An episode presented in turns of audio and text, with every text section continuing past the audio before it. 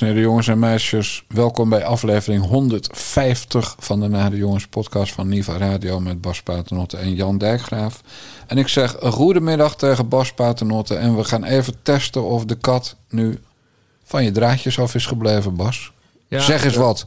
Nou, dat was dus eh, voor de vaste luisteraars. Wanneer kwamen we erachter? Zondag. Zondag, zondag in de synagoge dat mijn geluid heel kut was. En ik ben toen, s smiddags ben ik nog eventjes alle apparatuur langsgelopen. En eh, uit forensisch onderzoek bleek dat eh, Salvatore Danger, TCB, mijn kat, allemaal bijsporen had achtergelaten in de draad. Dus ik heb nu de draad vervangen. En volgens mij klink ik nu weer helemaal Je klinkt zoals je altijd klinkt. ja, coherent en helder. Nou, en vooral een stemgeluid waarover we tegenwoordig ook weer mails krijgen. Oh. Van, ik luister altijd naar, naar de jongens. Wat een geweldig stemgeluid heeft Bas Paternotte. Ach, kijk eens. Nou, Erudiet en dat soort termen vallen, valt er allemaal. Ik meteen googelen wat dat betekent. Erudiet, weet je dat? Nee, moeilijke woorden, dat weet Ja. ik niet. Nou ja, in elk geval maak je heel veel indruk. En iemand vergeleek je zelfs met GBJ Hilteman qua stem. Jezus, oké. ja. Jezus. Hey, Henk Westbroek, die zei toen ik op de school van journalistiek Henk voor het eerst ontmoette. Toen zei hij, jij moet iets bij de radio gaan doen, want je hebt een hele goede radiostem. Ja, nou dat is ook zo. En vervolgens ben ik stukjes gaan schrijven. Ja, Dus- dom. en ben je bijna 50. Ja. Hey, belangrijk, ligt er sneeuw bij jou? Ja, zeker. Ja, het moet er Bij jou niet dan? niet? Ja, bij hier Oh, ja. daar. Prachtig man, het is gewoon winterwonderland hier. Ja. Ik vind het super gezellig, super mooi. Ik heb, eh, ik heb het boek van Theo van Gogh binnen. Dus wat mij betreft Sneeuwwin. 688 pags. En eh, jij wordt nul keer genoemd en ik één keer. Ja, ben je al ver? Ik moet nog beginnen. Maar ik heb even in het namenregister gekeken. Ja, nee, ik heb, de, ik heb toevallig gisteren de PDF van de uitgeverij gekregen, Querido. En eh, ik heb het dus ook ogenblikkelijk eerst op mijn eigen naam gegoogeld, maar, of eh, gegoogeld, ge, gecontrol-F'd. Maar die stond er ook niet in. Ja, inderdaad, één keer. Wat hij wat die schreef over eh, dat wij die aangiftes hebben gepubliceerd. Dat staat er alsof we dat bij leven hebben gedaan. Maar dat hebben we niet bij leven van Theo gedaan. We hebben dat na de moord, een week na de moord, hebben we die gepubliceerd. Foutje dus. Eh, ja, en verder, verder ja, ik, ik, je moet het, ik, ik kan er verder zelf weinig over zeggen. Ik heb gewoon allemaal leuke dingen heb ik even gezocht. We gaan het nog wel een keer helemaal bespreken als we het helemaal gelezen hebben, denk ik. Maar ik vind het, ik vind het op zich wel interessant, want je houdt toch een beetje je hart vast. Hè? Het is de zoon van, eh, Job van Cohen. Job Cohen. Hè? De schrijver heet, heet, heet, heet Jaap. Maar nou ja, goed, ik, als, als je een beetje er doorheen bladert... Ik, ik vind het op zich wel interessant en het leest vlot. En, eh, maar goed, we komen nog met een eind... eh, eind Ja, we gaan het gewoon ouderwets recenseren, Bas Paternotte. Ja, Eh, en, en dan zo'n foutje over metro. Ja, ach, Laten we hopen dat hij niet overal zo'n foutje heeft gemaakt. Hè? Want dan zou Ja. het... eh, Nou, eh, als je zoekt op metro, dan eh, eh, hij haalt heel vaak metro-columns aan van, eh, van, eh, van Theo. Ik zag alleen in een interview, en dat staat me dan gelijk weer tegen in die Jaap Cohen. Eh, ik weet niet meer, want hij heeft heel veel interviews gegeven. Eh, dan zegt hij van ja, en, en, eh, ja, en, en, dan, en, en toen ging Theo schrijven voor. stond hij opeens met een column in dat, in dat gratis treinkrantje. En daar heb ik altijd zo'n pesthekel aan gehad. Dat mensen metro een gratis trein. Ja, het was een gratis Ja. ta- tabloid. Zo kun je. abs- absoluut, absoluut. Maar wel met serieus nieuws. We hebben heel veel primeurs gehad. Het wa- was, gewoon een echte krant. Zullen we nou krijgen?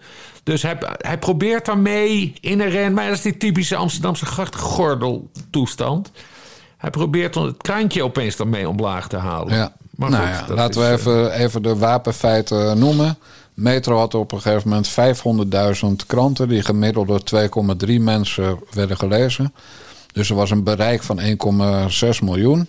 Zegt dat goed? Nee, 1,3 miljoen. Mhm. Nou ja, hoog. Eh, en alle traditionele kranten, zoals wij ze toen plachten te noemen... eh, die verloren bosjes abonnees. Want heel veel mensen die met de trein of het openbaar vervoer in het algemeen reisden... die lazen metro of toen nog spits. En later heb je nog eentje gehad van, eh, van wat nu DPG heet. Da- de Dag of Dag. Oh ja, god, hebben we ook nog gehad. Ja, eh, zo'n kansloos ding. En je hebt natuurlijk nog de pers gehad, die zichzelf wel heel erg serieus nam. En die dus Ja. ook geen lang leven beschoren was. En Metro was gewoon een succesverhaal. Maar dat kon ook alleen maar. En je moet altijd jezelf relativeren en je eigen successen. Omdat er toen nog geen mobieltjes waren. Want toen de mobieltjes kwamen met eh, wifi en redelijk snel internet en redelijk goedkoop internet. Toen waren die gratis kranten ook gewoon meteen dood. Ja, dat wel. Maar ik bedoel, ik bedoel, ik bedoel meer dat hij... eh, wat Ja, mij het. tegenstaat is dat hij doet alsof de, alsof, alsof de krant geen inhoud had. Maar dat was onzin. Want, want nou ja, we hadden natuurlijk Jij, sowieso... jij sowieso- werkte, ervoor, kom op. we hadden, we hadden sowieso Bas Paternotte Ja. vanuit Den Haag. maar onze vriend eh, John, John achternaam... John van Schagen, John van Schagen. Erik Jonk, die hadden gewoon eh, dagelijks nieuws. Dat waren gewoon klassieke nieuwsverslaggevers. Ja. Die altijd nieuws hadden. En met entertainment zaten we ook lekker met, hoe heet ze? Volgens mij was Danielle het- Kool. Danielle Cole, die volgens mij het laatste keer dat ik iets van de zag, was in Los Angeles. Ja, die woont daar. Oh, die is gewoon, gewoon, gewoon in Hollywood gaan wonen. Ja. Oké. Maar dus, dus het was hartstikke goed. En we hadden zelfs een boekenrubriek. Met, eh, ik weet niet hoe die knaap heet. En we Luc Weerts. En, en we hadden Jochem Geerdink. Ja, Jochem Gering. Ik bedoel, wie kon toen zeggen... wij hebben Jochem Gering op de loonlijst? Nou, wij hadden hem. Ja, En dan zei Jochem, doe even, doe even een verhaal van 500 woorden. Want we hebben een gat. En dan tikte Jochem hoofdletter I en dan een K en een spatie. En dan eh, kopieerde hij dat eh, 500 keer. En dan had hij weer een verhaal. Ik, Jochem ja. Gering, stond er dan als kop boven. Revolutionaire tijden, Bas Paternotte. En, en ook nog een, een, een naam, hè, want het is ook nog eens een kweekvijver geweest. Op een gegeven moment hebben wij een stagiaire gehad, Caroline Logalbo. Die is daarna voor Vrij Nederland gaan werken. Die heeft boeken geschreven met fucking Ruud Lubbers. Boekenrubriek op tv gehad. Boekenrubriek. Oh ja, god, ze heeft ook nog eh, tv gedaan. Was ook ja. niet best. En eh, oh, dat, dat vond ik een leuk programma hoor. Ik, maar ik vind alles met boeken leuk. Nee, maar dat staat mij dus tegen dat die, dat die, dat die Jaap Cohen. eh, dat hij dan dus dat medium. Om, Ja. Dat hij denkt er iets bij te winnen door het medium omlaag te halen. Wat, wat fucking. fucking Maar goed, je bent dus pas echt zen als je daar geen reet van aantrekt.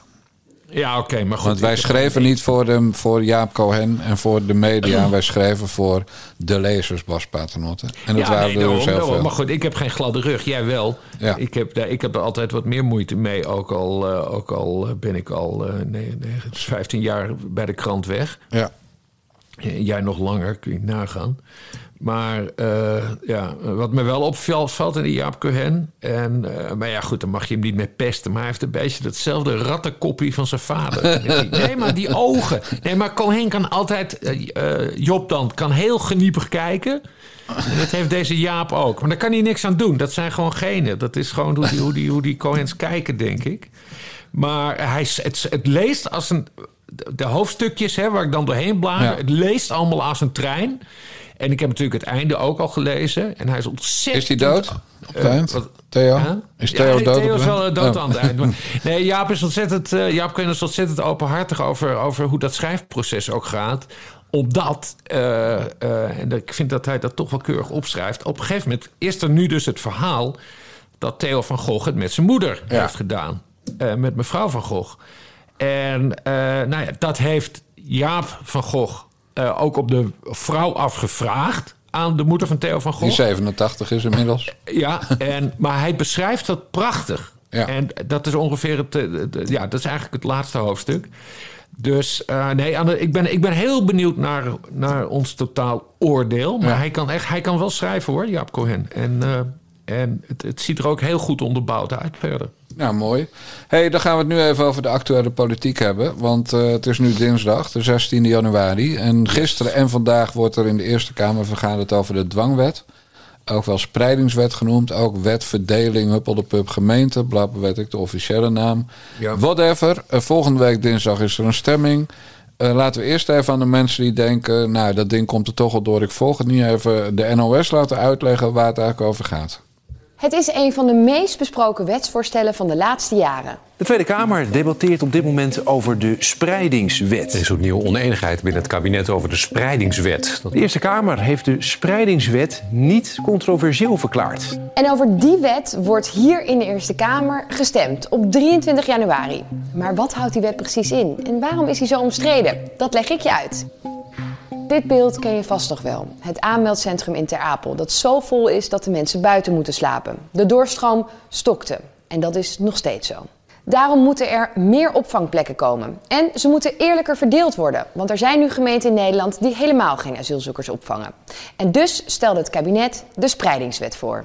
Die wet houdt in dat gemeenten zich vrijwillig mogen melden om asielzoekers op te vangen. Daar krijgen ze geld voor, variërend van 1500 tot 5000 euro per persoon. Het bedrag hangt af van voor wie je een plek aanbiedt en per wanneer.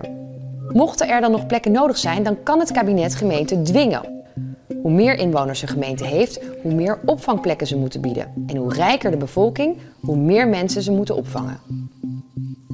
En vooral dat dwingen, daar zijn veel gemeenten het niet mee eens. En ze vinden de wet onnodig ingewikkeld en onuitvoerbaar. Net als de Raad van State. Het kabinet viel, maar na lang gesteggel stemde de oude Tweede Kamer toch voor de spreidingswet. Nu is dus de Eerste Kamer aan zet. De partijen die nu formeren, de PVV, de VVD, NSC en BBB, probeerden nog te voorkomen dat de wet hier behandeld zou worden. Maar dat is mislukt. Nu doen alsof die verkiezingsuitslag niet bestaat. Alsof we daarmee niet een signaal richting de Eerste Kamer zouden kunnen sturen, zou echt een absurde situatie zijn. En dus hangt de toekomst van deze wet af van de senatoren die hier achter werken, in de Eerste Kamer. Zij stemmen over de wet als het goed is op 23 januari. En dan horen we meer. Nou, wat ik een beetje miste, Bas, in deze verder keurige samenvatting... was dat het niet alleen gaat om dat gemeenten kunnen worden gedwongen asielzoekers op te nemen... maar dat de Rijksoverheid, oftewel de staat, oftewel Hugo de Jonge... ook kan bepalen waar het precies moet. En desnoods uh, met het, uh, het bestemmingsplan dat geld voor die plek verscheuren. Ja. Uh, kortom, Bas Paternotte woont in een agrarisch gebied. En Bas Paternotte krijgt gewoon in de tuin opeens een asielzoekerscentrum. Want dat mag Hugo de Jonge bepalen. Ja, ja, ja. Heel erg uh, grof gezegd. Gisteren had jij natuurlijk je wekelijkse vrije dag. Hè, want toen was het maandag. En heb je natuurlijk maar met een schuin oog zitten kijken. En er geen stukjes over getikt. Maar vandaag zit je er bovenop, neem ik aan, Bas.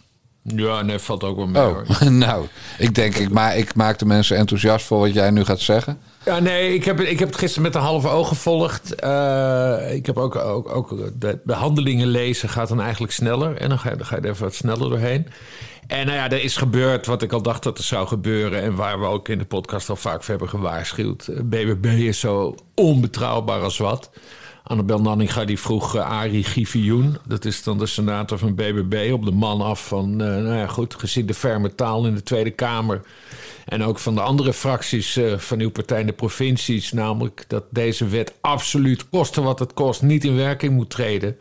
Ben ik benieuwd, en u zegt Annabel, of het gevoelen in uw fractie hier hetzelfde is als we hoofdelijk gaan stemmen.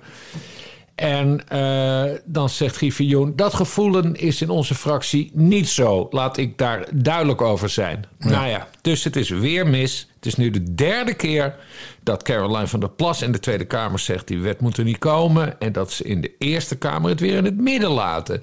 Ja. En dat is erg kwalijk, want uh, BBB is de grootste in de Senaat, zoals we weten...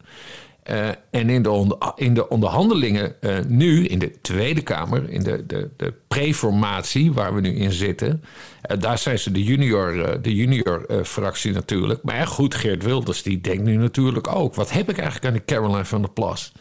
Want ze is gewoon dikke kans dat zij. Hè? Misschien niet allemaal, maar er zijn op zeker, ik weet het zeker. Twee is al genoeg. BBB-senatoren die voor deze wet gaan stemmen. Ja. Dat zei ik. Eén ja, is al genoeg. Bassies, ja, maar Bassie hoor ik anderen nu roepen. Er zijn ook VVD'ers die tegen gaan stemmen. Of ja. voor gaan stemmen waarschijnlijk. Dat ja, dat is heel wel mogelijk. VVD, hè? Uh, daar zitten, daar zitten oud-burgemeesters in de Senaat. En die, die, ja, die kunnen erover denken zoals ze willen. Maar dat is een, wel een beetje het verschil met BBB. BBB heeft lopen campagne voeren op deze wet gaat er ja. niet komen. Ja, blijkt nu toch anders te En liggen. van VVD'ers weten we dat ze onbetrouwbaar zijn. Dus dat ja, is altijd dat, ingecalculeerd. Dat, dat, ook, dat, dat ook nog eens. Dus, dus van BBB verwacht je...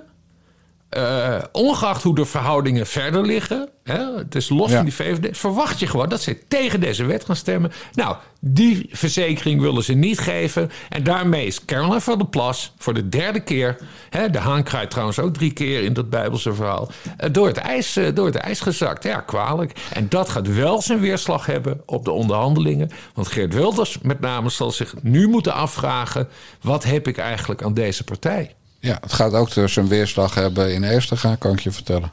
Mm -hmm. Want ik ben natuurlijk lid van BBB. En als er ook maar één senator van BBB voor die spreidingswet stemt, die dwangwet... dan krijgen ze in Deventer of waar ze zitten een briefje uit Eerstega... met goede vrienden, ik zeg bij deze mijn lidmaatschap op. Ja, ga je dat doen? Ja, ik vind het zo principieel. Ik bedoel, mm -hmm. de, het is, je weet dat ik hier een briefje aan Caroline van der Plas heb geschreven... Met uh, dit gaat helemaal fout, jullie lopen te prutsen in de Eerste Kamer. Nou, toen ben ik zelfs gebeld door Henk Vermeer om, eh, om het erover te hebben. Eh, Mhm. Dus haar secondant.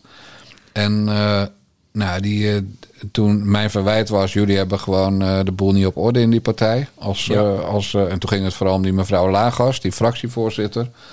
Nou ja, als de, als de BBB die opkomt voor het platteland voor de spreidingswet gaat stemmen, dan eh, al is er inderdaad maar één, maakt me geen fuck uit. eh, Dan stem je tegen de mensen op het platteland. Want eh, het is niet zo dat, dat ze naar Amsterdam gaan. Want Amsterdam is nu al aan het onderhandelen over, over statushouders die ze dan willen in de provincie willen zetten. En ik begreep, ik heb gisteren wel een beetje het debat gevolgd. Ik begreep dat je als gemeente ook gewoon kan zeggen: wij huren, laten we even zeggen, gemeente Amsterdam, die kan gewoon zeggen: wij huren een hotel in Titi Extra deel af. En dan stoppen we onze 100 eh, asielzoekers. Dus je, je mag ook buiten je eigen provincie gewoon plekjes inhuren. Ja. Eh, hotelkamers dus. Om, eh, om te zorgen dat ze niet bij jou komen. Nou, dat zouden dus rijke gemeenten, Wassenaar, Bloemendaal, Laren, noem ze allemaal maar op. Die zouden dat, die VVD-gemeentes, die zouden dat allemaal kunnen gaan doen. Maar het, het punt is, Van der Plas heeft altijd gezegd: eerst de instroom beperken en dan eventueel de, de spreidingswet. Ja. Nou, de instroom is totaal niet beperkt. En dat nieuwe, dat nieuwe Europese deal over asielzoekers.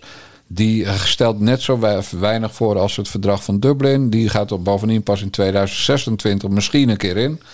Dus eh, de tyfus dan voor BBB. En dan, ben ik helemaal, en dan blijf ik het aardige mensen vinden. Maar ik wil geen lid zijn van een club die, eh, die meewerkt aan, eh, aan, de drang, aan de dwangwet. Maar ook omdat ik erg ben voor democratie. En Ja. hier wordt gewoon een gemeenteraad buitenspel gezet. Hier worden bestemmingsplannen buiten werking ges- ges- gesteld door fucking Hugo de Jonge en Erik van den Burg. Want Ja. daar kon die bepalen dan wat er in de Frieske Marre en zo gaat gebeuren. Ja, dat wil ik echt niet hebben. Nee. Dus, eh, dus dan weten ze dat Bas Paternotte voor ze gaan stemmen de 23e. Het, het orakel uit Eesterga heeft gesproken. Juist. Ja, en, en wat ik zei, van de VVD verwacht je dat ze onbetrouwbaar zijn. Ja, ja. Dus dat, dat, als je daarop hebt gestemd, dan heb je ingecalculeerd, nou, die deugen niet. En er gaan wel drie burgemeesters om. Dus Ja. die, die spreidingswet komt er. En Dylan Jusilke zegt dan als, eh, eh, als minister van Justitie, kut, daar, ben ik, eh, daar baal ik van. Ah nee, Ja. dat zegt ze als eh, fractievoorzitter van de VVD. Ja. En als minister van Justitie zegt ze, fijn, want mijn Erik eh, gaat nu niet huilen. Erik Ja. van den Burg. Ja. Dus van de VVD verwacht ik het, van linkse partijen verwacht ik het. Van die van de Groot, waar, waar echt nog nooit iemand van gehoord heeft, van de, van de onafhankelijke partijen. Ja. Die ook dus de Frieske Nationale Partij eh, vertegenwoordigt. Daar verwacht ik het. En eigenlijk verwacht ik het van Martin van Rooyen niet. Want die is op pensioen gewoon heel goed bezig geweest van 50 plus. Maar ja, joh, weet je, we weten allemaal nog hoe blij Henk Otto ooit was... dat hij op de foto mocht met Hoekstra en Rutte. Ja. Nou, Martin van Rooyen zal ook wel een fotoshoot eh, Ja, nou, van Ma- Marten van Rooyen. Ik zag dat in mijn, in mijn, in, in mijn ANP-overzicht. Want ANP stuurt dan elke dag een overzichtje van eh, wat er was gebeurd. Moet ik even kijken hoor. Oh ja. Eh, ik kreeg van het ANP vanmorgen. Sorry. 50PLUS ziet in spreidingswet geen oplossing voor asielcrisis. Senator Martin Verrooy van 50PLUS ziet de spreidingswet niet als oplossing voor de opvangcrisis. De 16.000 statushouders die nu een plek bezet houden in de AZC's zijn het probleem, zei Van Rooij in het debat in de Eerste Kamer. Het huisvesten van statushouders in zogeheten tussenvoorzieningen is volgens de eenmansfractie een betere oplossing. Nou ja, goed, kijk, maar dat kan dus dan ook nog wel alle kanten uit. Maar wat jij zegt, heb je wel gelijk. Marten van Rooyen is natuurlijk totaal onafhankelijk nu. Want dat 50PLUS bestaat Nou, nauwelijks hij is meer. half dood, ja. En hij, is, eh, hij, is- hij zit echt al sinds de jaren zeventig al in de politiek. Ja, hè? Toen was hij- ik, ik was daar niet eens geboren en toen was hij al staatssecretaris. En ik, het, het, het is ook een geestige man. Dus ik denk, kijk, het, het hoeft dus eigenlijk niet zoveel uit te maken nu we weten dat, dat er waarschijnlijk bij de BBB en VVD voorstemmers tussen zitten. Ja. Maar het zou wel geestig zijn als, als Martin van Rooij op zijn oude, letterlijk zijn oude dag toch zegt van nee, ik ga helemaal niet voor deze dwangwet eh, stemmen. Maar goed, als, als Caroline van der Plas BBB wil redden hè, bij de volgende Tweede Kamerverkiezingen, eh, dan, dan zal ze eh, moeten vragen aan, aan, aan de VVD: Weet je zeker dat iemand van jullie voorstemt? Dan stemmen wij allemaal tegen. Dan kan ze namelijk het gezicht redden van die partij. Eh, Ja. Maar de VVD zal nooit aan zo'n dingetje meewerken. Eh, maar het, het zou theoretisch kunnen. Het gaat natuurlijk met hoofdelijke stemming. Het gaat op, alf- op alfabetische volgorde. Ja. En ze prikken de eerste. Dus theoretisch zou het kunnen dat voor er één BBB'er moet stemmen... dat er een VVD'er voor de spreidingswet stemt. Ja. En op dat moment zouden ze van tevoren kunnen hebben afgesproken... oké, daar stemmen wij nu allemaal tegen. Dan redden we ons gezicht bij Jan Dijkgraaf in Eesterga... en heel veel andere kiezers. Want Ja. ik ben niet belangrijk... maar gewoon al die mensen die vertrouwden op BBB. Ja, maar en, en we weten dat Caroline van der Plas niet vies is van achterkamertjespolitiek. Want toen Annabel de vorige keer, dat was eind vorig jaar... Hè, dat was dus de tweede keer dat ze onduidelijkheid in de Senaat erover lieten bestaan...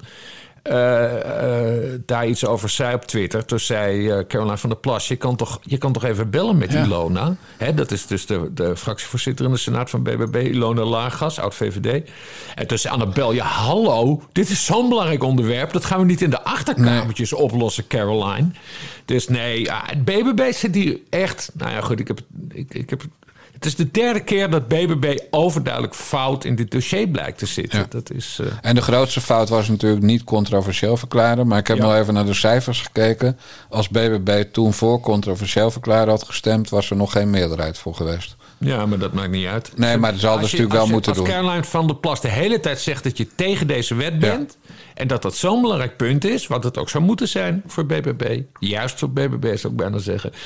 Ja, dan moet je dat ook in de Eerste Kamer zeggen. Maar keer op keer op keer durft de Eerste Kamer dat niet aan. Terwijl Caroline van der Plas steeds zegt... jawel, jawel, ze zijn ook tegen, vertrouw mij maar. Nou nee, Caroline van der Plas valt dus niet te vertrouwen. Nee, zo. Nou ja, dat gaan we dus volgende week dinsdag zien. Eh, dat voorbouw wil ik nog wel maken. Het kan best dat ze alle kikkers weer in de kruiwagen krijgt.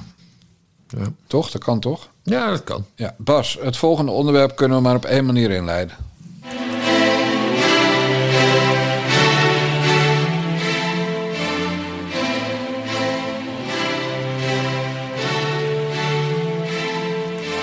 Land van duizend meningen, het land van nuchterheid. Met z'n allen op het strand, beschuit bij het ontbijt. Het land waar niemand zich laat gaan, behalve als we winnen. Dan breekt acuut de passie los, dan blijft geen mens meer binnen. Het land wars van betutteling, geen uniform is heilig. Een zoon die noemt zijn vader Piet. Een fiets staat nergens veilig. 15 miljoen mensen op dat hele kleine stukje aarde.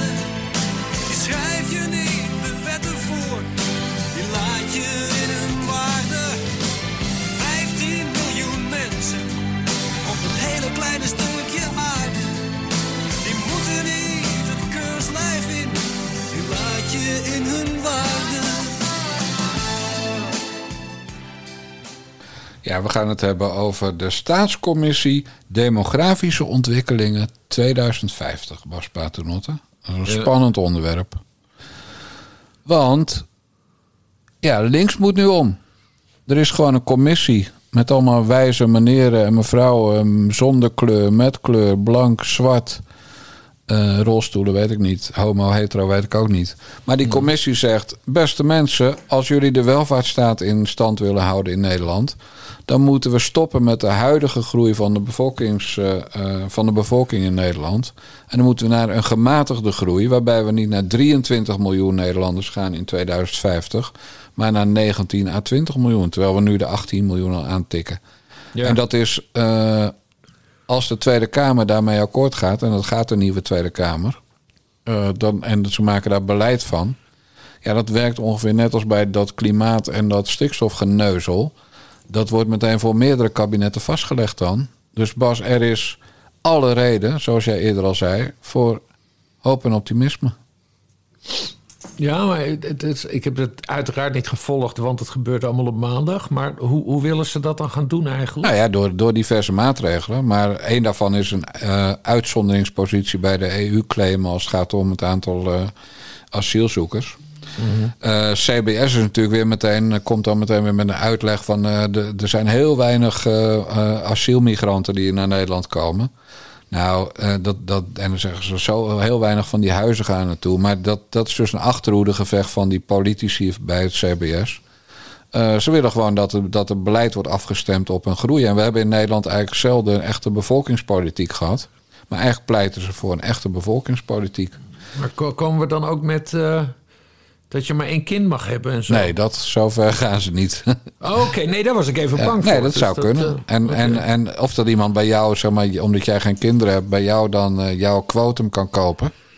Ja. Voor 35.000 euro, zodat je dat, eh, die Rolex kan kopen waar je al jaren op loopt te azen. Ja, nee, dat staat er allemaal niet in. Het gaat vooral om eh, wil- welke, waar willen we uitkomen in 2050. Dus we gaan het niet hebben over volgend jaar. We gaan het hebben over waar willen we uitkomen in 2050 en hoe gaan we dat bereiken. Ja. Ja, en ik vind dat gewoon verdomd goed nieuws. Eh, het is natuurlijk waanzinnig dat, dat boeren lullen als jij en ik, maar wie niet, al, al decennia lang roepen: het loopt uit de klauwen in Nederland.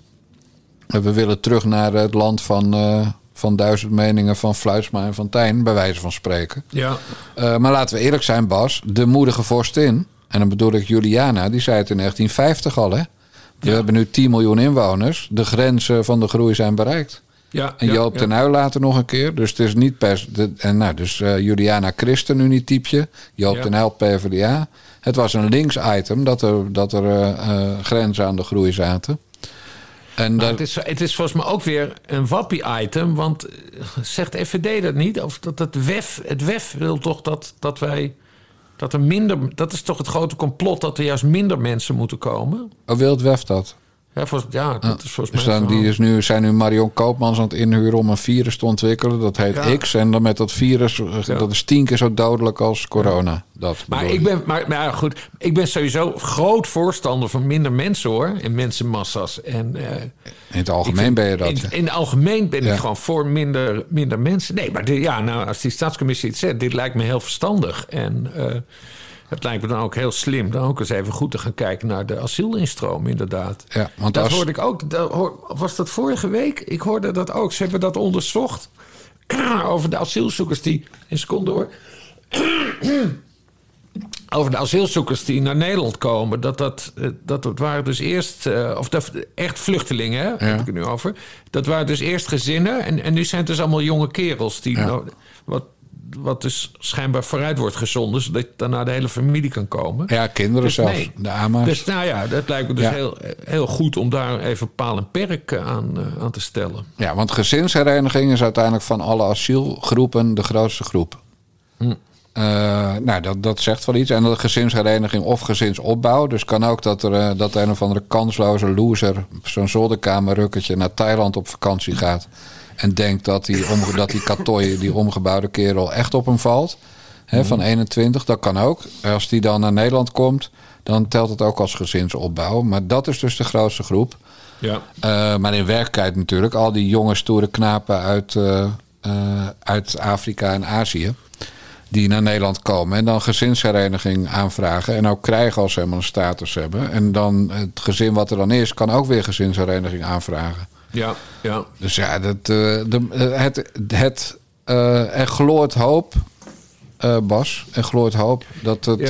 dat, ja, dat, ja, maar echt, maar ook over die gezinshereniging, daar, kom ik nu op. Want gisteravond heb ik, heb ik wel één stukje nog getikt. Want mijn vrienden van de Burgerwacht ter Apel, EO en omstreken, zo heet ze volledig op Facebook. Die hadden dus weer drie, drie knapen. Eh, die hadden ingebroken in, eh, in Ter Apel en eh, zich verschanst in een kelder. En uiteindelijk hebben ze dit. Maar dan bekijk je, en dan krijg je die, die, zie je die foto's van die, van die. Maar het is echt een jochie van 15 of zo, die dus heeft lopen inbreken. En ja, nee, het is allemaal verschrikkelijk, man. Daar. Bah, bah, bah. En eh, burgerwacht Ter Apel zegt ook, hè. Want ik heb het hele bericht heb ik geplaatst. Eh, en voor gemeenten die gedwongen worden om deze gasten op te nemen, zeg nee. Vol is vol. Wordt geen Ter Apel 2.0. Dus zelfs de burgerwacht in Ter Apel, die aan de lijve ondervoelen wat daar allemaal eh, Wat je binnenhaalt. ge- gebeurt. Hè? Zeggen tegen Den Haag, jongens, stem niet voor de dwangwet, want wij willen het niet dit andere mensen aandoen. En, de- en dat is wat, wat eh, eh, Annabel Nanninga ook bijvoorbeeld zegt: van ja, met deze dwangwet maak je gewoon nieuwe ter Apels. ja. En Dat is ook zelfs zo. Ter Apel zegt van... nee, dit moet je dus niet doen. Dit wensen wij de rest van Nederland niet toe. De ellende waar wij in verkeren. Vond ik heel, heel mooi, of mooi, Ja. eh, Ja. indrukwekkend... Ja. dat zij dat dus ook zeggen. Want je zou kunnen zeggen... nee joh, ik ben voor die dwangwet. Laat de rest het maar eens voelen. Hè? Nee, dat willen... zelfs die kerels van de burgerwacht willen dat niet. Nou, dat vond ik heel indrukwekkend gisteren. Ja, want reken maar dat als die dwangwet de 23ste er doorheen komt... dat, er, dat de foldertjes in Afrika die worden veranderd. Die worden, worden Ja, uit de bakken gehaald. Er komen nieuwe folders. Met Walhalla is weer open. Ga Ja. maar naar Nederland. Want als de, als de dwangwet er doorkomt... dan krijg je inderdaad niet overal een ter Apel. Maar dan, dan komen er veel meer eh, gemeenten die ellende hebben. En er zijn er 111 die helemaal niks doen, hè, begreep ik. Ja. Gemeenten. Ja, weet je. Slim Ja, van ze. maar, maar nou, dat is, je, ziet, je ziet dan ook een beetje bij andere een beetje rancuneuze reacties van... ja, ik ben wel voor de dwangwet. Want dan, dan kunnen die PvdA'ers en GroenLinksers in de grachtengordel... een keer aan de lijve ondervoelen hoe het werkt. Ja, dat is dus de verkeerde reactie. Dat is de verkeerde reactie. En, en, en de burgerwachter Apel die heeft dat dus wel door. Nee, je moet dit de rest van Nederland niet aandoen. Nee. Ter Apel is een lost eh, city. Ja, nou, en we kunnen het. We kunnen het ik, vind, ik vind dus dat we ter Apel moeten helpen. Hè. Er zou dus een politiebureau komen. Ja, kwam maar er dat niet. komt, dat komt pas eind dit jaar, omdat er, omdat er een warmtepomp moet komen. en, en de, nee, dat is geen grapje. Ja, ik moet een snap. Vergunning. warmtepomp en, en, en hoe heet het? Zon, zonne, eh, Zonnepanelen. zonnepanelen en, en dubbel glas en alles. Terwijl je daar gewoon, je kan daar gewoon direct. Daar had er al lang kunnen staan, een functionerend politiebureau. Maar ik vind dus dat we die ter Apelenaren, of hoe je het noemen wilt. Appeltjes. De, noemen ze zichzelf Nee, nee, nee. Oh, hier heb je een appeltje. nee, maar ik vind dus dat die ook ruimhartig eh, gecompenseerd moeten worden. Net zoals hè, wat we ook met de Groningers Ja. moeten doen. Een miljoen voor iedereen in Ter Apel, zegt Bas Ja, daarom. Ja. En, en, en eh, geef de Apel maar op. Dan bouwen de- dan, dan, muur eromheen en daar wonen ze dan nee, allemaal. dat niet, dat niet. Oh. Maar eh, eh, da- daar mag van mij gewoon geld aan worden besteed. Want we weten dat het een bende is in Ter Apel. Hè? Omdat er permanent 500 man te veel zijn. En er is enorme criminaliteit en zo. En dat is ook zielig voor de...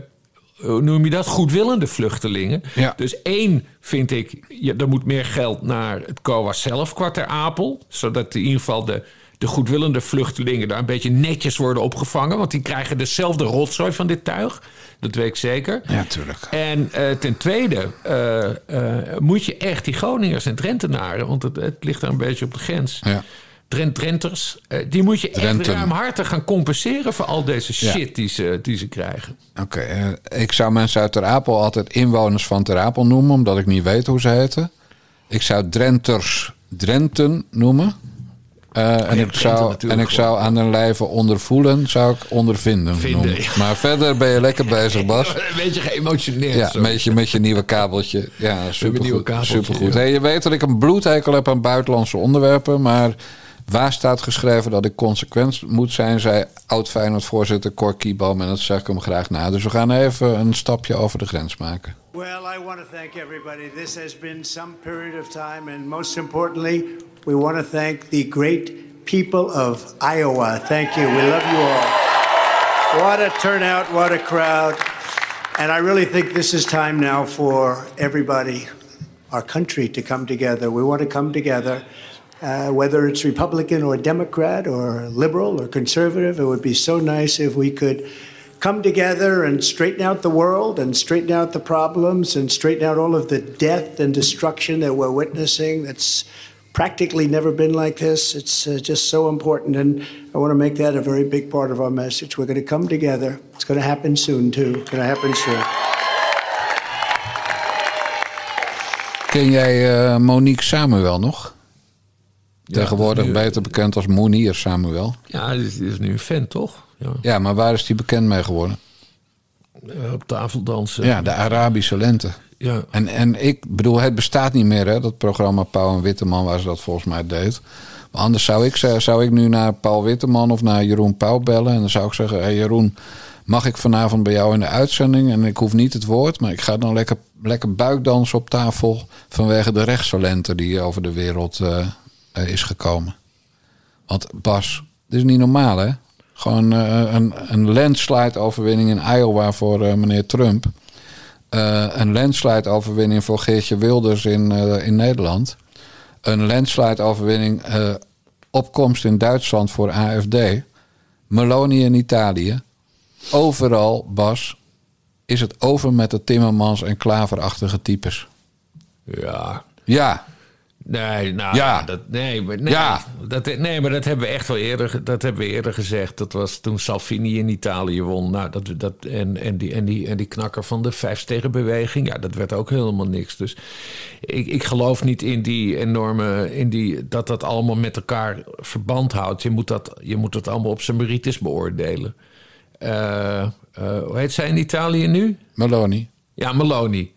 Ja, nou, dat vind ik een leuke vrouw. Dat, Nou ja, dan is- dan mag dat wel ziet van Bas Paternotte. Ja, maar dat ziet, er, dat ziet er allemaal wel stabiel uit. Dat gaat de goede kant op volgens mij. En eh, hè, Mark Rutte mag er ook erg, eh, erg graag. En nou ja, goed, ja, dat AFD, ja, dat wantrouw ik. Dat, hè, dat bleek vorige week ook. Die hebben notabene op, op acht kilometer verderop... waar de Wannsee-conferentie werd gehouden... Ja. hebben ze een eh, geheime vergadering gehouden over, eh, over massadeportaties.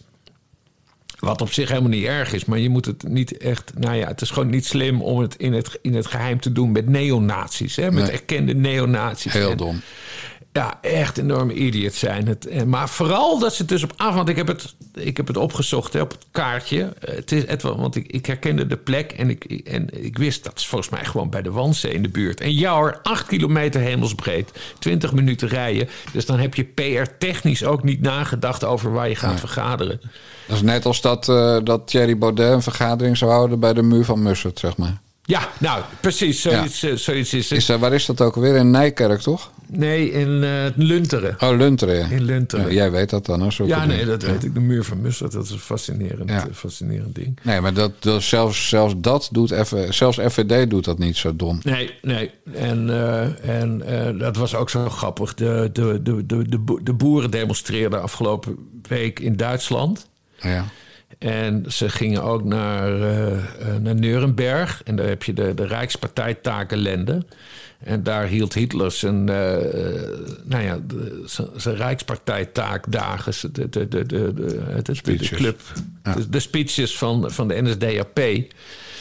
En ik ken dat terrein goed, want ik ben er vaak geweest eh, op vakantie en zo. Maar ja, ze staan dan naast, ze staan dan aan, aan het eind van, van een hele grote, grote weg die Hitler had aangelegd. En dat, ja, ze moeten daar staan van de overheid, dat snap ik wel. Maar het is, het is PR-technisch zo dom. En dan, je hebt daar een hele grote zaal, een soort grote, grote hallen, eh, eh, of de con- congreshallen. Ja. Was de bedoeling van Hitler, dan zou hij ook daar toespraken gaan houden. Het ding is nooit afgebouwd, ziet er wel prachtig uit. Op de buitenkant is echt zo'n, eh, nou ja, van die, van die Albert Speer-achtige architect. Maar ja, daar staan ze dan naast met 50.000 trekkers en rotten aangetreden. Ja, dat is een beetje dom. Dat doet je zaak geen, komt je zaak niet ten goede, lui. Omdat je, hè, die, hoe heet ze, Eva Vlaardingenbroek en zo... Die is dan ook in Duitsland en die stuurt dan al die foto's. Van ja, het zijn net nazi's, Eva. Dat is misschien een beetje dom om juist die foto's eruit te kiezen. Ja. Maar goed. Dus ik, ik geloof op zich niet zo in die... eh, Rechtstalenten. nee, dat, dat, het, het, eh, het is niet een homogeen gezelschap. Nee, dat zeker niet. Begrijp je? Nee, het is, het is eh, slans, wijs, slans, slans, aard, slans, wijs of zo. Ja. Dus ieder krijgt de, de eigen rechtse partij die die wil. Maar het is natuurlijk het is waanzinnig dat A, dat het gewoon gebeurt. Hè? En dat, dat er niet gemanipuleerd wordt bij de verkiezingen. Ja. Eh, B, dat je er ook vooruit mag komen tegenwoordig als je op zulke partijen stemt. Hè? Eh, Dat vind ik ook wel een ding. Nou, en C gaan ze dus gewoon echt overal waanzinnig hoge scores halen. De scores die vroeger in Nederland partijen als eh, dus het CDA en de Partij van de Arbeid haalden. Dus Ja. eh, het is echt iets aan de hand. En, en bedoel, jij, jij hebt het, het is jouw schuld hè, dat ik zo praat. Het is alleen maar jouw schuld. Want, want het is niet, zit niet in mijn aard, dat hoop en optimisme geneuzel. Ja, ja. Maar goed, je hebt me helemaal aangestoken.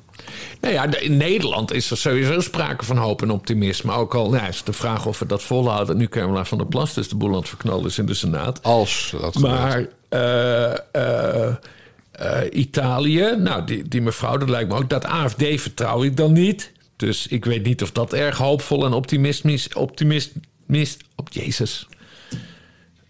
Ik kom niet meer uit mijn woorden. Dat komt echt van de. Ik ben ook nog een beetje. Of dat hoop en optimisme rechtvaardigt, bedoel je? Eh, precies. Ja. En wat hebben we daar? Oh ja, we begonnen natuurlijk met Donald Trump. Nou ja, Ja. Donald Trump vond ik altijd wel leuk. Maar ja, eh, toen eh, de laatste keer riep hij op tot een bestorming van, van het Capitool. Dus ik weet ook niet of we daar heel blij mee moeten zijn. Nee, maar nee, daar heb je op zich helemaal gelijk in. Trump is natuurlijk ongelooflijk. Trump zou in een normaal land nooit kunnen winnen. Maar in het Amerikaanse systeem met de tegenstanders die, eh, die hij eh, eh, krijgt, hè, eerst Hillary Clinton. ja, met, met, met zulke tegenstanders kan je gewoon de grootste worden in Amerika. En nu, nu gaat het toch Biden weer gewoon worden.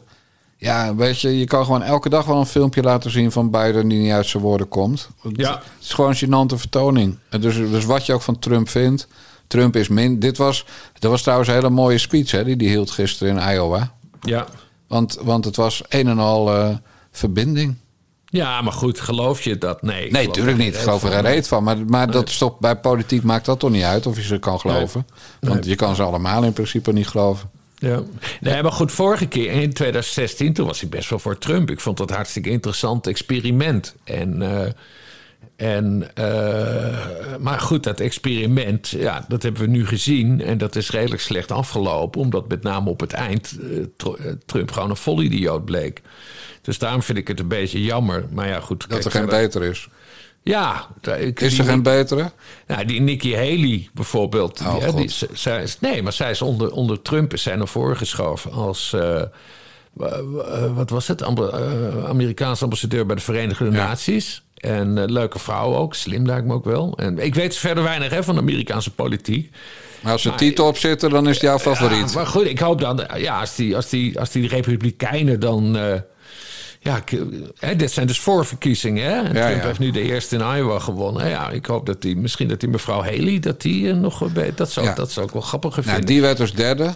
En, eh en de Santis die werd tweede. En, Ja. en er zat een, een gigantisch gat tussen Trump en nummer twee en drie. ja, ja. Eh, dus, dus die Nikki Haley, jouw favoriet, omdat de titel op zit, die staat, ja, Ja. die, die is gewoon vrij kansloos. Maar ja. Ja. het is net als in Nederland. Hè. Ze willen wel een vrouwelijke president, maar daar, hier dan een premier en daar een president. Maar het moet er wel eentje van ons soort mensen zijn. Ja. Dus eh, het zou op zich wel grappig zijn als zij wel de Republikeinse kandidaat werd. En ze zou dan de eerste vrouwelijke pre- president van Amerika worden. Dat lijkt me wel Nee, wat, maar met die Biden, dit is toch een freakshow. Hij, Ja. kan, hij kan nauwelijks meer lopen. Hij is ontzettend snel verouderd. Ja. Hij heeft echt een oude opaatjesgezicht. Hij komt niet meer uit zijn woorden. Hij, hij stamelt een beetje over zo'n podium. Hij, hij pleurt de hele tijd om.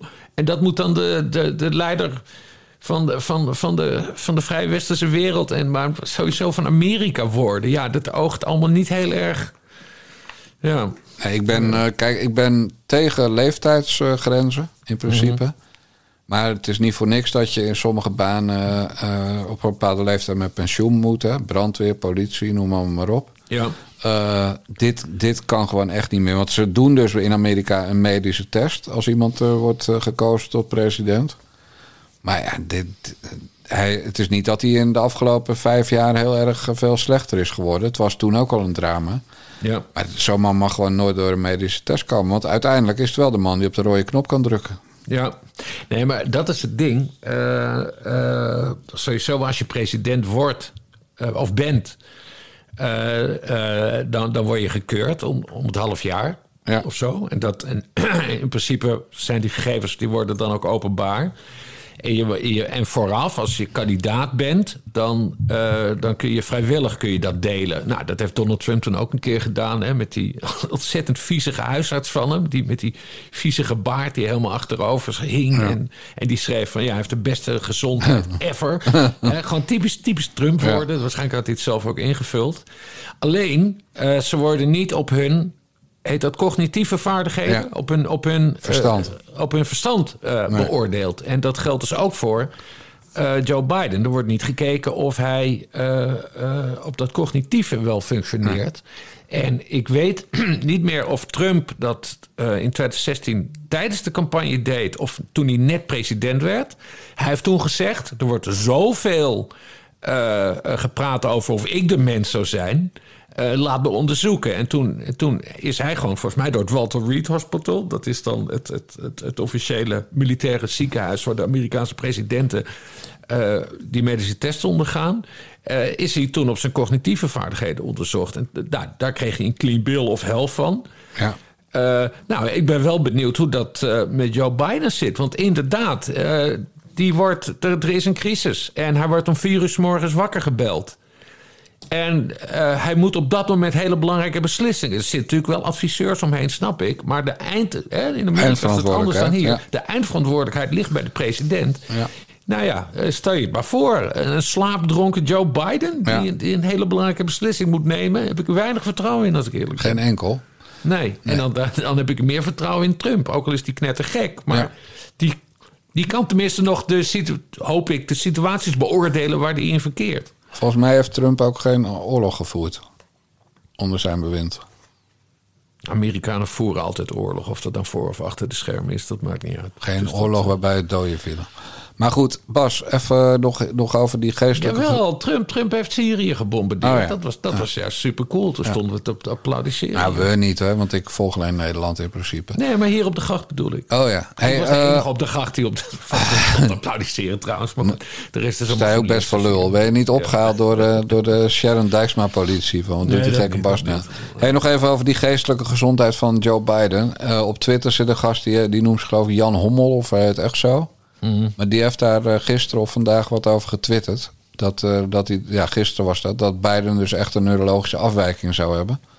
Eh, moet je maar even kijken. Ik heb er allemaal geen verstand van. Het gaat ook veel te ver om dat in onze Nee, podcast maar Jan. Hommel, dat is, dat is volgens mij die knakker die ook... Ja, dat weet ik wel. Die was al bij de wappies in coronatijd. Ja, daarom, maar, dus ja, maar, de, maar, maar Bas, dan kan je toch nog van andere dingen wel verstand hebben, of niet? Je bent toch nee, niet... maar ik vind... eh, bent ik toch vind- niet voor altijd vind- knettergek vind- op ik alles? vind- nee, ik vind wappies gewoon volstrekt oninteressant. Want er zijn... Volgens mij zijn er ook serieuze artsen die... die, die, die Er stonden linkjes bij. Of er iets met... eh, met eh, Er met, stonden eh, linkjes bij, gewoon op de linkjes klikken. Ik doe geen, geen buitenland, dus ik ga het allemaal niet doen, die moeite. Maar er stonden linkjes bij. Maar goed, Jan Hommel heeft iets getwitterd. Ja, en dan, dan kunnen de mensen dan even naar kijken. Ja, ik verwijs mensen toch ook wel eens door naar de, naar de threads van Sander Schimmelpenning. Van wil je, lekker, wil je zien hoe, hoe iemand volledig doordraait en knettergek wordt? Ga dan naar threads voor Sander Schimmelpenning. Nou, dan gaan mensen ook massaal. Ja, hij was boos, hè? Want uh, Fred vond dat Sander Schimmelpenning te grof was. Ja, nou, daar heeft volkomen gelijk in. Oh jongen, van wie is dat threads? Dat is toch gewoon van Meta, of niet? Ja, dat is Ja, dat is gewoon van Zuckerberg. En, eh, en dan ga je je ziel verkopen aan Mark Zuckerberg. En dan, Ja. dan ons dom noemen. Ja. hey, eh, we moeten nog een keer terugkomen op uh, Aquasi. Want uh, uh, nou, uh, die was eerst even nog gewoon lekker, omdat ik het zo'n lekker fragment vind. Dit, dit is een nieuwe fase, man. Hou je niet meer fucking in. Hou je niet meer in. Wees niet beleefd. Luister. Hou je niet meer in. Als iets niet meer kan, dan kan het niet. Zeg het gewoon voor ei. Luister, dit gaat niet meer gebeuren. Okay? Want je bent niet alleen. Je bent niet alleen. We zijn met z'n allen. Kijk hier. Zwarte Piet kan dit jaar niet meer overleven. Besef je dat? Besef je dat? Het is nu klaar. Dat weten we allemaal wel, toch? Ja. Dit is ongekend. Iedereen hier, iedereen. Maakt niet uit waar je vandaan komt. Van wie je houdt. Spreekt. We zijn samen. We hebben elkaar. We hebben elkaar. En inderdaad, mevrouw. Samen staan we sterk. Samen staan we sterk.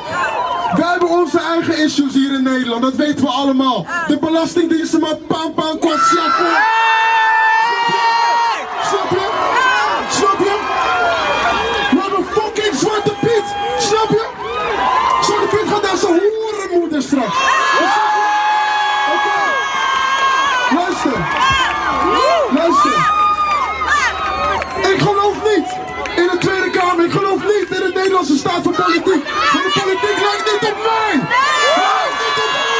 Hij gelooft dus in heel veel dingen niet. Ik heb even dat Zwarte Piet voor zijn kop schiet, uh, doodschoppen, een fragmentje weggehaald. Maar hij gelooft niet in de politiek. Hij gelooft niet in de Tweede Kamer. En waar zat hij gisteravond? Hij was op bezoek bij de moedige vorst. Ja, Want, eh, want Willem-Alexander nodigt altijd eh, één keer per jaar op, met nieuwjaar allemaal mensen uit. En gisteren lag de nadruk op breedte sporters. Dus was Mhm. Aquasi er ook. Was breedte sport. ja, als breedte sporter. Maar wat heeft die gast nou gedaan?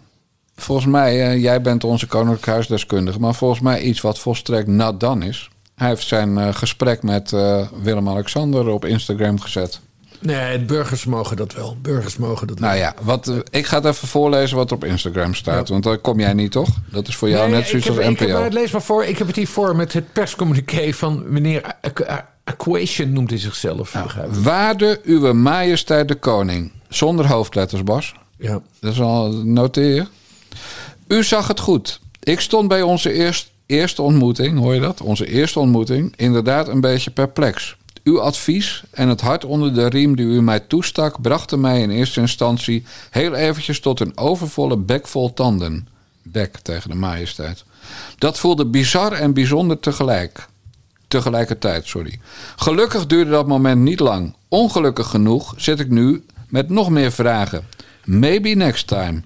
Dank voor deze uitnodiging, de warme ontvangst en het geheugensteuntje dat ik vooral zo door moet gaan. Ik wist niet dat ik, het, dat ik ook dat nodig had. Proost op het nieuwe jaar, op het hebben van moed, op het ombuigen van allerlei soorten ellende. Niet omdat het kan, maar omdat het moet. Proost op ons gesprek en op het feit dat niet ieder moment een foto hoeft te zijn. Natuurlijk nog een proost op de liefde. En proost op wat haat. Proost op de verandering, vroeg of laat. Je blijft een dichter of niet. En dan ondertekent hij met: We zien elkaar, ondergetekende. Ja. Ik moest echt even een bakkie hebben, Bas. En dan bedoel ik geen, geen drank, maar een kotsbakkie toen ik dit las. Het is allemaal een beetje waanzin, hè? Hoe die... eh, Zelfoverschatting, jezelf opdringen met voor een tweede gesprek. En, en dan denken dat, denken dat Willem-Alexander ook tegen iemand eh, daar, die daar te gast is zegt... hey, gast, jij bent echt niet goed bezig. Echt prutswerk wat jij in 2023 hebt afgeleverd. Eh, heel moedig van je. Dat- wat, wat denk je nou? Dat, dat, dat Willem-Alexander daar niet gewoon tegen iedereen een standaard praatje houdt? Die gast is het- zo het de- fucking het- dom. Het is, het is de nieuwjaarsontvangst. En eh, de, de- de- volgens mij, de, de moedige vorst organiseert er altijd twee. Eén één voor burgers en één voor kort diplomatiek. Klopt. En dan was van, gisteren die van, eh, van Burgers. De, de, de, burgers. Want eh, het, daarom werd bijvoorbeeld ook het debat in de Senaat onderbroken. Omdat alle fractievoorzitters ook naar de Dam moesten. Ja. Die zijn allemaal in een busje geladen, zijn naar Amsterdam gereden. Daar hebben ze allemaal de koning een handje gegeven. En toen zijn ze teruggereden naar, naar Den Haag om verder te gaan eh, te, te vergaderen. Poppenkast. En Aquasi was er dan als, als omroepbaas, want dat moeten we niet vergeten. Aquasi die hangt ook aan de subsidietiet Ja. als De Arnold Kaskers van Zwart is het. hij is de Arnold Karskens van, eh, van Zwart, inderdaad. Hij had zijn mededirecteur of zo. Dat was dat andere mannetje. Staat op die foto. Ja, meegenomen. ja, onbekend figuur. Maar wat ik vooral opvallend vond is... eh, hij, hij zegt van... eh, nou ja, ik, sta, ik, ik stond daar met een overvolle bek vol tanden. Nou ja, goed, op zich is dat niet heel raar. Want ja, als je voor het eerst de koning ontmoet... dat is ook best wel indrukwekkend. Dat kan ik me best wel goed voorstellen. Nou ja, ze Toen kennen elkaar nog uit de slavenhandel, die twee. Van vroeger. Ja, dat, dat ook natuurlijk. Hun voorouders kennen elkaar ongetwijfeld. Maar hij zegt dus eh, over, over volle bek vol tanden voelde bizar en bijzonder tegelijkertijd. Dan zegt hij, gelukkig duurde dat moment niet lang. Ongelukkig genoeg zit ik nu met nog meer vragen, maybe next time. Ja, wat bedoelt hij daar nou mee? Is dit kritiek op de koning? Of wat? wat ik, ik- ja, het is, allemaal zo, het is allemaal zo vermoeiend. We hebben natuurlijk geen beeld, maar als ik het nog een keer goed lees, hè, dus zeg Mhm. maar eh, begrijpend lezen, dan heeft Willem-Alexander dus iets tegen hem gezegd. En was hij zo verbijsterd dat Willem-Alexander iets tegen hem zei, dat hij gewoon niks heeft teruggezegd. Mhm. En, en zijn telefoon, eh, hij ging naar de wc, dus die gaan zitten, heeft hij zitten poepen. En hij heeft eh, dit Instagram-postje uit zitten poepen. Ja. Dus, dus dit is gewoon de gemiste kans van gisteren die hij dan goed wilde maken op Instagram. Mhm. Waar hij natuurlijk het nichtje van de koning trof. Eh gravinfluencer Eloïse. Mhm. Ja, en, en, en die is natuurlijk wel, eh, die houdt wel van foto's. Dus de kans is heel groot dat Eloïse en Aquasi binnenkort eh, gaan samenwerken. Of kindjes gaan maken. Kindjes zelfs, ja. Dat zou Ja, waarom niet? Zijn. Ja, Ja. Want, want Aquasi is ook een man die heel veel vastgoed heeft. Ja. En ook een man die niet hoeft te werken voor zijn geld. Dus in die zin past hij zo bij, eh, bij de koninklijke familie. Ja, ja, nee, maar hij, eh Aquasi, die, ja, ik weet het niet. Het, eh, het, is, het, is, het, is, het is voor mij zo bevreemdend als we dat fragment wat jij net hebt laten, laten horen, als je dat beluistert. Er zit Ja. zoveel agressie in die gast. En ik begrijp zo goed dat het Openbaar Ministerie hem wilde vervolgen. En ik vind het zo dom dat het Openbaar Ministerie vervolgens de, de hele zaak heeft geseponeerd. Het ging om opruiming, hè? Het is racebaiting wat die man deed. Hij was, hij was blank en zwart tegen elkaar aan het opzetten tijdens die toespraak van hem. Dat, Het had een burgeroorlog kunnen worden.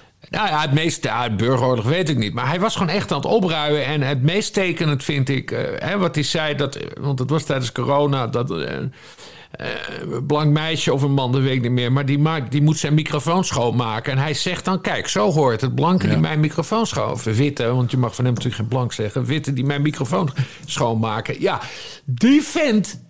Dat, dat, dat deugt gewoon niet als je zulke teksten eh, eruit gooit. Mag van mij, hè? Mag van mij alles zeggen wat hij, wat hij wil. Ik vind het alleen stom, één, dat hij niet is vervolgd voor opruiming. En twee, ik vind het hartstikke stom dat hij eh, eh, bij... eh, God, hoe heet nou dat programma? Wat ik ook niet kijk. Ja, de, slimste mens. Waarom zou, je, waarom zou je deze opruimer in je programma willen hebben? Dat snap ik. Een soort witwassen van een opruimer. Wie, wie wordt er nog meer op dit moment vervolgd voor opruiming? De, de complotmamot. Zit hij dan binnenkort ook in, eh Die in mag volgend jaar komen. Ja, die mag Ja. volgend jaar bij Willem-Alexander komen.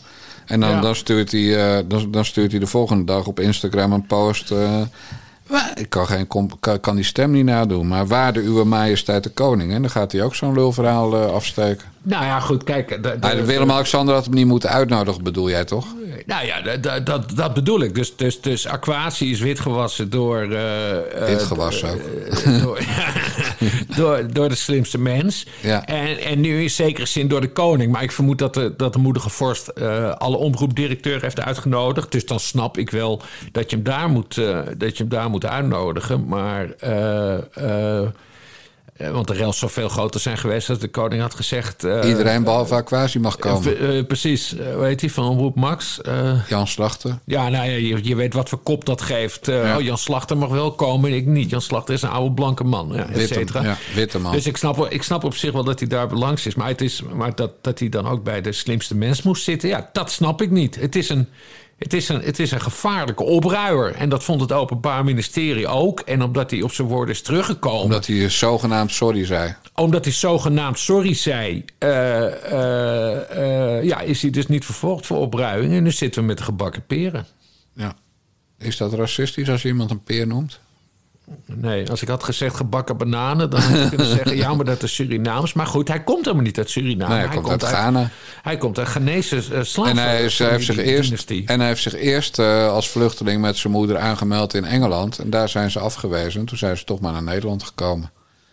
En hier hebben ze een uh, verblijfsvergunning gekregen.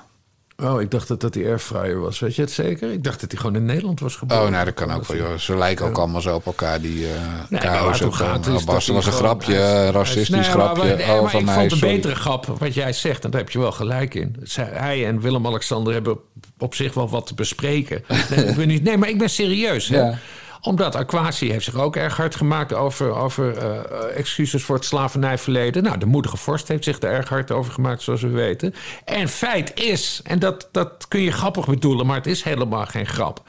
Uh, zowel Willem-Alexander als Aquasi, ja, die hebben familiebanden die ver teruggaan met slavenhouders. Dus dat. ja. Alleen Willem-Alexander is... Voor, ja. Volgens mij heeft Willem-Alexander er wel excuses voor aangeboden. En, uh, en wordt er zelfs een onderzoek naar verricht. Maar van Aquasi uh, hebben we nog niks gehoord op nee, het van sorry. Heeft, dat, dat vind ik dus ook opmerkelijk. Want ja. hij is er wel eens over geïnterviewd. Lacherig maar, deed hij toen. Maar hij doet er dan wat lacherig over. Maar ja, waarom heeft Aquasi... biedt hij geen excuses voor, voor het slavenhoudersverleden van zijn eigen familie? Hè? Ja. Van zijn eigen familie. Het waren slavenhouders. Precies. Ja, waar meneer beter dat meneertje Aquasi daar even excuses voor aanbiedt voordat hij in de slimste mens gaat zitten. Ja. Hey, waren alle omroepbaasjes er? Geen idee, maar ik stel me zo voor dat alle omroepbazen een uitnodiging van de vorst hebben gekregen om daar te verschijnen. Waren alle omroepbazen er? Dat weet ik dus niet. Ontbrak er misschien iemand? Geen idee. Van SBS, van Talpa? Ik weet niet of die worden uitgenodigd. Ik weet het dan Is er ook, zijn er ook omroepen. Ja, maar misschien worden die wel uitgenodigd. Ik weet het niet. Frans Klein, doei, doei. dat was wel.